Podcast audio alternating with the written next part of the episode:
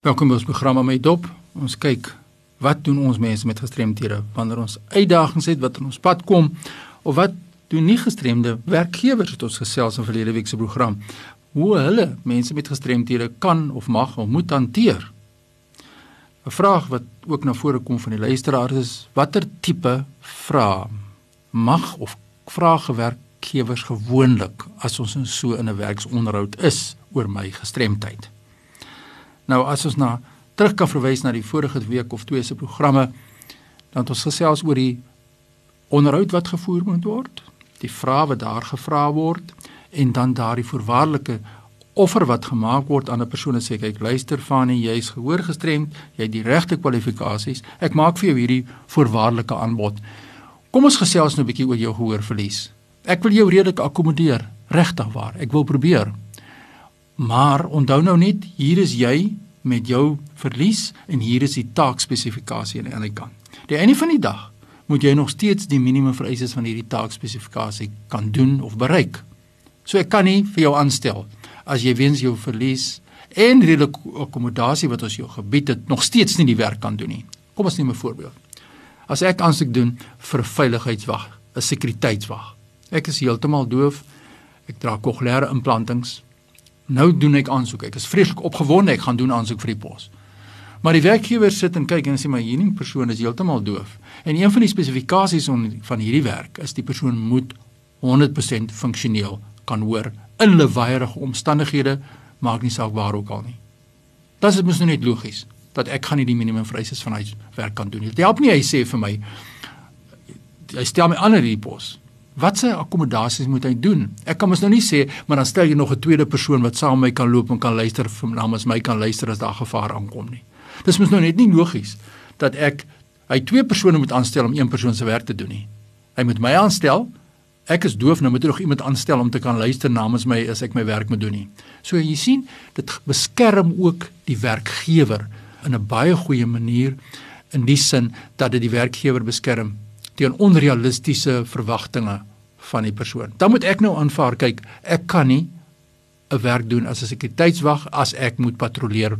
Dit sê nie ek kan miskien 'n ander werk doen in daardie maatskappy nie wat meer toeganklik is vir my as 'n doewe persoon nie. So ek hoop ons verstaan hierdie proses baie duidelik en die enigste manier hoe 'n mens dit kan oor die weg kom en vorentoe kan beweeg as die persoon met 'n gestremdheid bewus is van sy gestremdheid, bewus is van sy beperkings, bewus is van wat die uitdagings hy het bewus is watter redelike akkommodasies hy kan vra en die werkgewer weer bewus is van die gestremde persoon en weet wat sy taakspesifikasie. So dis 'n halfpad ontmoet mekaar eerder as 'n afdwing van wetgewing. Anderste sou dit geforseerde indiensneming wees. Nee, hierdie is redelike akkommodasie tot indiensneming, redelikheid aan alle partye. Maar wat is vrae wat die werkgewer kan vra? Hy kan byvoorbeeld vir jou as 'n werknemer wat aansoek doen met 'n gestremdheid vra of jy doen aansoek vir bevordering of vir 'n nuwe pos, maak nie saak nie. Is jy bewus van die tipe akkommodasies wat jy nodig het? Die tipe redelike akkommodasies. Dan moet ek sê, "Oké, okay, ja, ek weet ek het tipe is ek het kommunikasie hulp nodig met akkommodasie met kommunikasie." Nou gaan ek vir vra maar is jy bewus van die spesifieke ding wat jy nodig het. Dan kan ek sê ja, ek soek goeie oorfone want ek moet op die radio werk, ek moet goeie oorfone of toerusting nodig hê. So as ek dit nie weet nie, hoe gaan ek dit kommunikeer met my potensiële werkgewer? So die vraag is, hy mag in diepte begin vra want hy moet kyk, okay, goed, jy soek hierdie tipe oorfone. Dit kos R2500 elk of 'n stel en ek is bereid om as deel van redelike akkommodasie vir jou hierdie oorfone aan te koop. Soos wat ek in terme van redelike akkommodasie bereid was om die toilette toeganklik te maak vir my werknemers met rolstoele wat rolstoele gebruik of 'n oprit te bou, is ek bereid om jou te help. Nie te help nie, ek is bereid om redelike akkommodasie vir jou daar te stel in terme van nie oorfone wat ek bereid is om beskikbaar te stel. En dit is wat wat waaroor onderhoud gaan. Dit gaan oor 'n akkommodasie. Maar ek kan ook vir jou vra Fanny, is hierdie gestremdheid, hierdie verlies wat jy het permanent of is dit tydelik?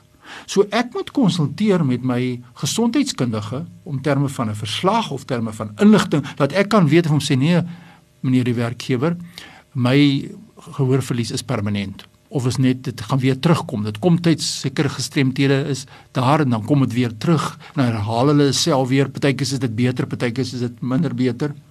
Partykeer is dit baie sleg met die impak op die persoon. So jy moet verstaan wat dit beteken.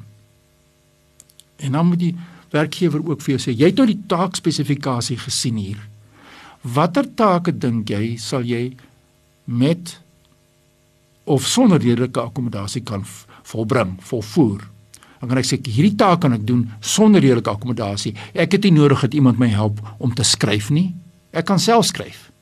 Maar wanneer ek moet luister oor die telefoon, het ek 'n redelike akkommodasie nodig. Ek het 'n klankversterker nodig oor die telefoon. So jy moet presies weet as gestremde watter van die take op daai werkspesifikasie het jy hulp nodig en watter hulp het jy nodig om nie 'n geskenk te ontvang nie, net 'n blote redelike akkommodasie te kan hê want die wetgewing verplig maatskappye om redelike akkommodasie toe te pas. Maar as ons nie praat daaroor nie, dan gaan mense nie vir ons redelike akkommodasie toepas nie. En weet jy wat die hartseer is en dis die einde van gesprek hierdie week en dit is weet wat maak maatskappye hulle doen toeganklike akkommodasies vir dit wat hulle kan sien. Hulle sien daai gestremdheid is sigbaar visueel, so ek maak sommer nou al byvoorbeeld oprite in my gebou, ek maak my toilette toeganklik, ek kry parkering uitgesorteer.